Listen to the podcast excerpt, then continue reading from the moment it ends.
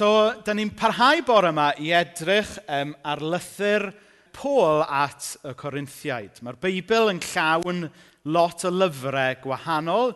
Mae'n bwysig bod ni'n cofio hynny, dydy. Mae'n nid jyst un llyfr ydy'r Beibl, ond actually casgliad o lot o lyfrau sydd wedi cael eu sticio at ei gilydd. Ac yn ail hanner y Beibl, mae gyda ni gwpl o lyfrau yn sôn am fywyd Iesu Grist, a wedyn mae gyda ni cwpl o lythyrau nath Pôl danfon at eglwysi 2000 o flynyddoedd yn ôl. Ac ar hyn o bryd, yn oed fan y bore, da ni yn edrych ar y llythyr yma nath Pôl sgwennu at eglwys, at gapel yn dinas Corinth, sydd heddiw yng Ngwlad Groeg. Um, nawr, oedd hwn yn lythyr gan yr apostol Pôl, Ond mae e hefyd yn air gan ddiw i ni heddiw. Ac wrth bod ni'n edrych ar yr adnodau yma heddiw a dros y misoedd nesaf, dwi jyst yn gwahodd ni i o leiaf bod yn agored i fod Dyw i hun yn siarad gyda ni trwy yr adnodau yma. Mi oedden nhw yn adnodau i bobl arbennig mewn lle arbennig, ond oedden nhw hefyd yn adnodau i Eglwys Iesu Grist yn bobman trwy hanes. Mae'r adnod yma'n deud, At eglwys Dyw yn Corinth, dych chi wedi'ch neillio gan ddew i berthynas ar myseu Iesu, dych chi wedi'ch galw i fod yn bobl sanctaidd fel pob Cristion sef pawb ym mhobman. Felly mae hwnna rhyw catch-all dydy sydd yn cynnwys ni. Felly mae'r mae, llythyr yma'n cynnwys gair gan ddew i ni. Ond wrth gwrs, nath e ddim gael ei sgwennu i ni. Gath ei sgwennu i'r Corinthiad. Felly, yr catchphrase i, i fi'n dweud ar ddechrau pob un o'n negeseuon yma yw hwn. Sgwennwyd y llythyr i ni, Carnarfon 2016, ond ddim atom ni. Sgwennwyd e at y Corinthiad, ond mae e hefyd wedi cael ei sgwennu i ni. Felly, er mwyn deall beth mae Dyw'n dweithio ni heddiw, mae rhaid ni ddeall beth oedd Paul yn trio dweud yn ei gyd-destun gwreiddiol, yn ei context gwreiddiol. Teitl y neges bore yma ydy rhywbeth bach yn poeni pawb o hyd. Teitl chwareus. Ehm, a gewch chi weld pam nawr, um, rhywbeth bach yn poeni pawb o hyd. Can gan Geraint Jarman, wrth gwrs. So, dyma ni'r darlleniad. Dwi wedi clywed, so penod 5 i ni yn dod nawr. Dwi wedi clywed am yr anfoesoldeb yn eich plith chi. Mae'n waith na bydd fydde'r paganiaid yn ei oddef. – Mae un o ddynion yr eglwys yn cysgu gyda'i lisfam, gwraig ei dad. A chi'n dal yn falch ohonoch hunain? Dyla'r fath beth godi cwylydd arnoch chi. Dylech chi fod wedi'ch llethu gan alar. Pam dych chi ddim wedi disgyblu'r dyn a'i droi allan o gymdeithas yr eglwys? Er fy mod i ddim gyda chi'n corinth ar hyn o bryd, dwi acw yn yr ysbryd, yn union fel petawn i gyda chi dwi wedi cyhoeddi'r ddedfryd gyda awdurdod ein harglwydd Iesu. Pan ddewch chi at eich gilydd, byddai yno gyda chi yn yr ysbryd. Taflwch y dyn allan o'r eglwys, rhaid ei roi yn nwylo satan, er mwyn i'w chwantau drwg gael ei dinistrio ac iddo gael eich achub pan ddaw'r arglwydd Iesu yn ôl. Wrth Wneud o'i adnod naw, dwi wedi dweud wrthoch chi yn y llythyr ysgrifennau i o'r blaen i beidio cael dim i'w wneud gyda phobl sy'n anfoesol yn rhywiol, Dim sôn am bobl sydd ddim yn credu oeddwn ni, sef y bobl yn y gymdeithas secular, sy'n anfoesol neu'n hynanol, neu'n twyllo, neu'n addoli eilun ddiwiau. Byddai'n rhaid i chi fynd allan o'r byd i ysgoi pobl felly. Na. Beth roeddwn ni'n ei lygu oedd na ddylech chi gael dim i'w wneud â rhywun sy'n galw ei hun yn gristion ac eto yr un pryd yn byw'n anfoesol neu'n hynanol yn addoli eilun ddiwiau yn sarhaus, y meddwi neu'n twyllo. Peidiwch hyd yn oed ag eistedd i gael pryd o fwyd gyda phobl fachu. Dim fy lle i ydy barnu pobl tu allan i'r eglwys, ond dyn ni yn gyfrifol am y bobl sy'n perthyn i'r eglwys. Dyw sydd yn barnu pobl o'r tu allan. Mae'r ysgrifau sanctaidd yn dweud wrtho ni, rhaid i arddel y dyn drwg o'ch plith.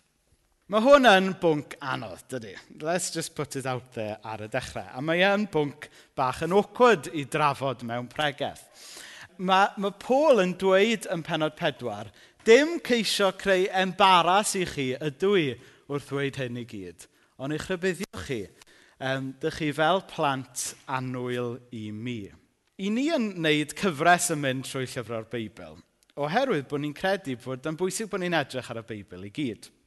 Taswn ni yn troi fyny yma bob di syl yn dewis rhywbeth at random, byddwn ni ddim wedi dewis y benod yma. Chyfod, a fyddwn ni wedi dewis paratoi pregaeth am sex life y Corinthiaid? Na. a fod yn hollol onest.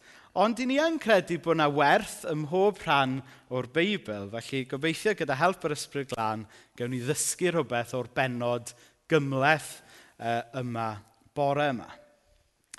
Nawr, mae yna rai pobl, does dim plant yna, dim plant sy'n deall iaith, Beth. Um, Mae yna rai pobl wedi dweud fod yr apostol Paul yn obsessed efo rhyw, yn obsessed efo sex, achos bod e yn um, jyst yn delio gyda'r peth drosto, throsto. Ond nid Paul oedd yn obsessed efo sex, ond yn hytrach y gymdeithas ar y pryd.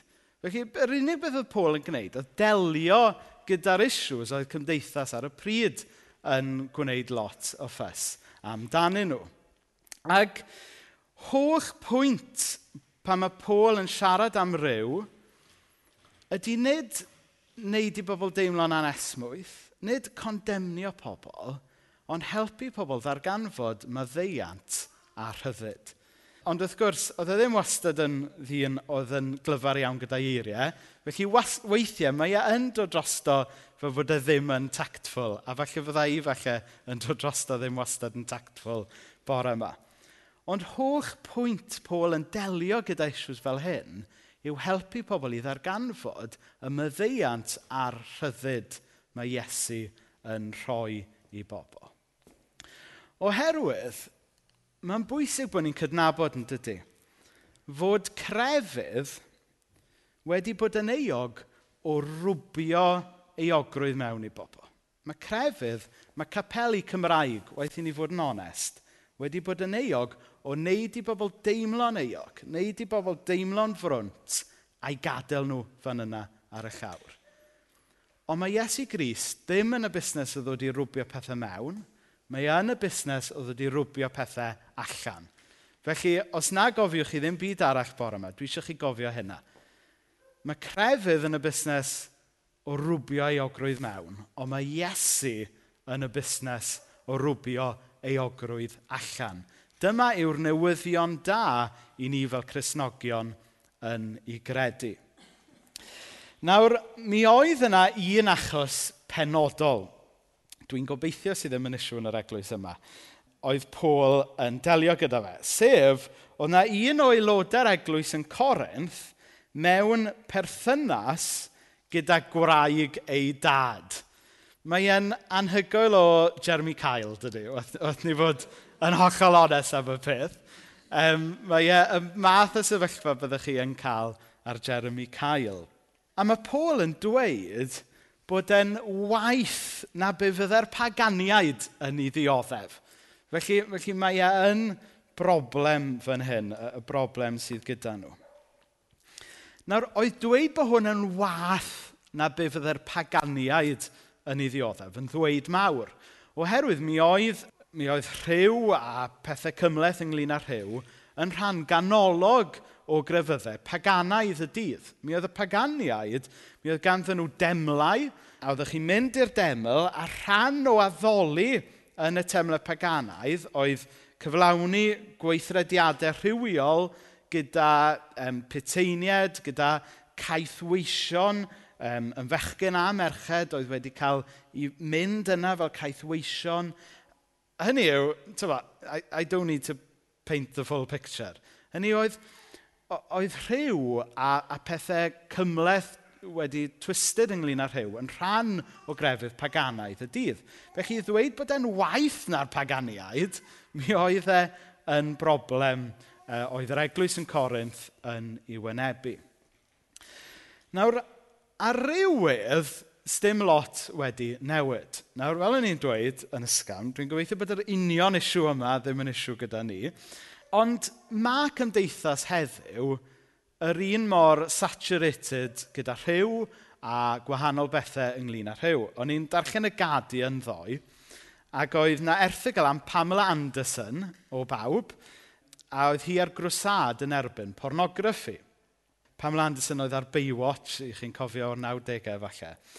Ac oedd hi'n dweud bod y diwydiant pornograffi wedi gwirdroi, wedi twistio syniad pobl ynglyn â rhyw iach. Bod, bod e'n twistio meddwl pobl, fod, bod plant, bod pobl ifanc yn, yn cael ei exposio, ond nawr bod hyd yn oed plant yn cael ei exposio i'r peth yn, yn ifanc ofnadw. A wedyn, ochr arall i'r pethau, um, mae'r ma, ma diwydiant pornograffi mae'n debyg um, wedi glymu mewn gyda y diwydiant caeth weisiaeth, slavery. So bod yna bobl mewn rhannau tlawd y byd yn cael eu cipio i ffwrdd i weithio yn y diwydiant rhyw. Hyd yn oed yn y wlad yma fod pobl yn cael eu chysgo mewn i weithio yn y diwydiant rhyw. Rhai pobl o gemdiroedd digon cyfforddus. Mae, mae rhywun yn clywed hanesion am fyfyrwyr yn gorfod mynd i weithio yn diwydiant rhyw er mwyn talu dyledion coleg yn ôl. Hynny yw, mae'n cael ei ymlygu mewn ffordd wahanol, ond yr un issues mae cymdeithas heddiw yn ei wynebu a 2000 o fnyddoedd yn ôl. Sef, er bod rhyw yn rodd gan ddew, bod e rhyw sydd yn cael ei twistio mewn gyda pethau cymleth arall. A mae cymdeithas heddiw yn deitha ni bod mae mater preifat ydy rhyw. Ond fel mae'r enghreifftiau dwi newydd esbonio i chi, mae yn effeithio cymdeithas yn dydy. A mae yn effeithio y gwanaf a hyd yn oed y tlotaf mewn cymdeithas hyd yn oed. Felly dim ond ar ryw lefel mae yn fater preifat. Mae yn fater sydd yn effeithio cymdeithas ar wahanol lefelau. Felly, y pwynt ydy, er bod yr union achos mae Pôl a'r Corinthiad yn wynebu, i ni ddim yn wynebu'r union achos yna, i ni yn wynebu yr, yr isiw ar ryw lefel hefyd. Nawr, mae'r ffordd mae Pôl yn delio gyda y broblem yma. Yn ôl yn safonau ni heddiw, yn ôl safonau yr eglwys heddiw hyd yn oed, yn eitha shocking a bod yn onest. Drychwch beth mae Paul yn dweud Pam dych chi ddim wedi disgyblu'r dyn a'i droi allan o gymdeithas yr eglwys? Taflwch y dyn allan o'r eglwys, rhaid ei roi yn nwylo satan. Rhaid cael gwared ohono, ei daflu allan a dechrau o'r newydd gyda thoes newydd heb unrhyw fyrym ynddo. Um, peidio cael dim i'w wneud gyda phobl sy'n anfoesol. Peidiwch hyd yn oed ag eistedd i gael pryd o fwyd gyda phobl felly. Mae'n hars iawn yn dydy ffordd mae Paul yn delio gyda hwn. Mae'n mae shocking be mae e yn ei ddweud. A dwi wedi bod yn crafu mhen trwy'r wythnos. Hynny yw sut... Achos ar rywydd mae'n eitha anghyson yn dydy. Hynny yw mae Paul ar un llaw yn sôn am fyddeiant a gras Iesu Grist. Ond wedyn mae'n delio gyda pobl mewn ffordd eitha shocking a harsh fel hyn. Yn ôl yn safonau ni heddiw, yn ôl safonau'r eglwys heddiw, byddwn ni'n meddwl bod Paul yn bod yn ansensitif yn hyn. Byddwn ni'n meddwl bod e'n rhy galed, bod e'n gas hyd yn oed. Wel, yn ytrach na trio esbonio hwn, mae dy fi rhai sylwadau i wneud. Nawr, beth sydd gan Paul fan hyn? Dwi'n meddwl, ydy proses o adferiad yn hytrach na condemniad. So, proses o restoration nid condemnation. A mae yna wahaniaeth yn does. Rhwng condemnio rhywun a helpu rhywun i ddod trwy ag allan o sefyllfa. Nawr, meddyliwch am y gymhariaeth fel un. Rygbi. Nawr, mae mam yn dod o Llanelli, so dwi'n gwybod chydig bach am rygbi.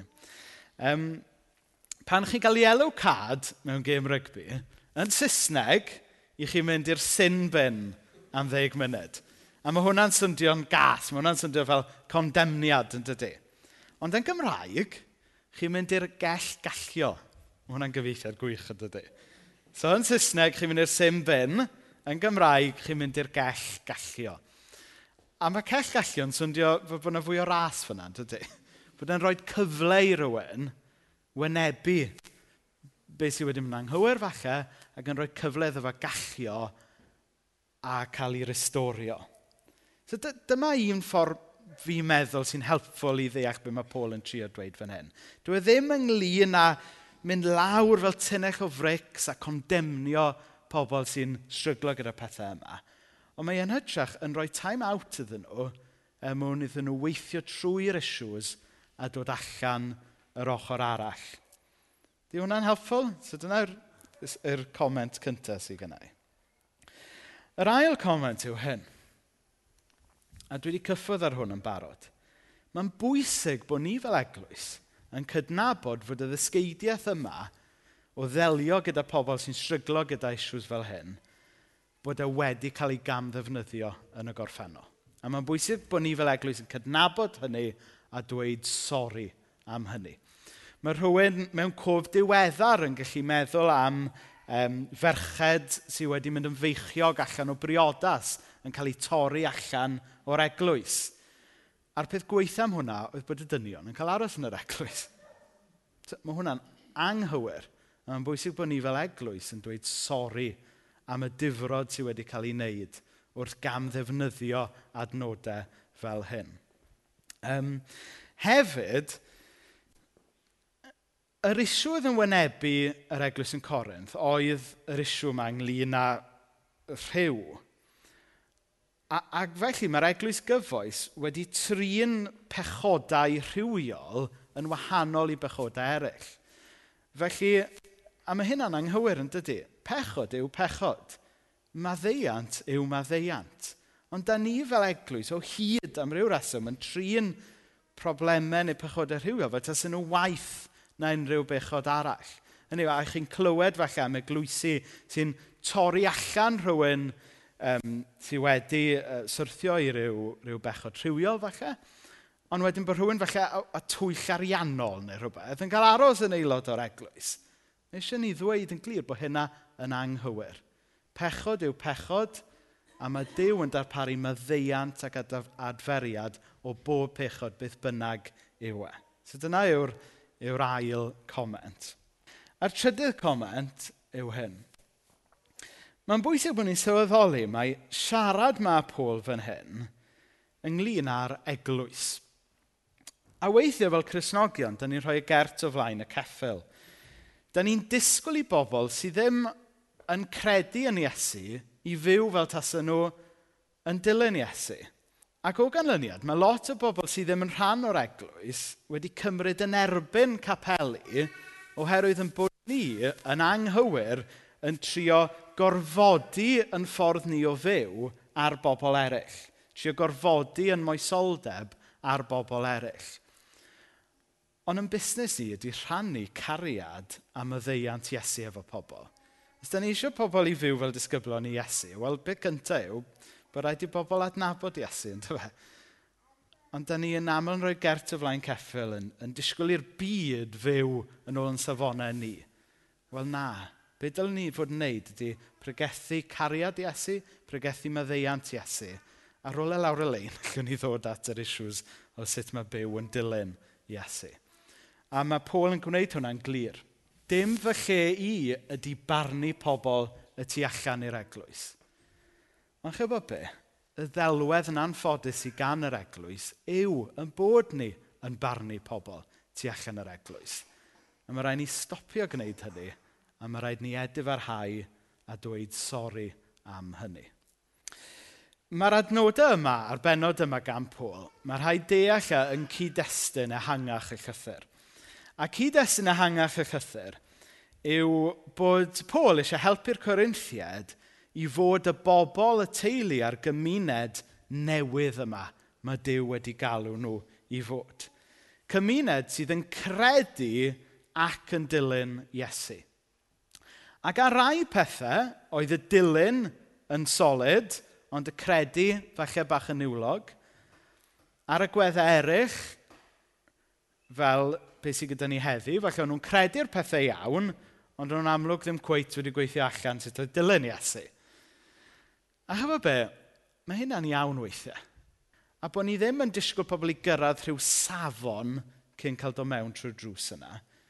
Bod ni ddim yn chyfo, meddwl bod rhaid i bobl bod chydig bach fel ni cyn bod nhw'n cael eu derbyn yn y capel. I ni'n dod at Iesu fel ag yr ydyn ni. A mae hwnna yn bwysig i ni gofio. Benod yma'n ffitio yn y cyd-destun mwy yna. Oedd y Corinthiad yn work in progress – a mi yda ni bob un ohono ni yn work in progress. Yr achwedd yw bod ni'n gadael i Iesu ddod mewn i'n calon ni i wneud y gwaith yna. Chi'n eich beth fi'n meddwl? Fi ddim yn dweud fydda anything goes, ond beth dwi'n dweud ydy, allwn ni ddod fel i ni, a wedyn gadael i Iesu gynnig maddeiant i ni, a wedyn gadael i Iesu helpu ni weithio fe allan a roed yn bywyd on track dwi eisiau gorffen drwy ategu'r pwynt cyntaf. Nawr, mae rhyw, mae rhywioldeb yn bwnc sensitif. Mae yn bwnc mae'r eglwys heddiw, fel dros y canrifoedd, wedi strygio, stryglo i ddelio gyda fe mewn ffordd cariadus a graslon. Ac o ddarllen y benod yma allan o'i gyd-destun, mae'n hawdd deall pam yn dydy tywed, o ddarllen yr adnodau yma gan Paul ar face value, mae e yn gallu dod drosto fel bod e'n bryn o gariad. Mae e yn gallu dod drosto fel bod e'n bryn o ras. Ond gobeithio bore yma bod ni'n gallu darllen yr adnodau yma mewn cyd-destun ehangach le ni'n gwybod fod Paul hefyd, mewn rhan eraill o'r llythyr, yn sôn bod Dyw yn ddiw cariad.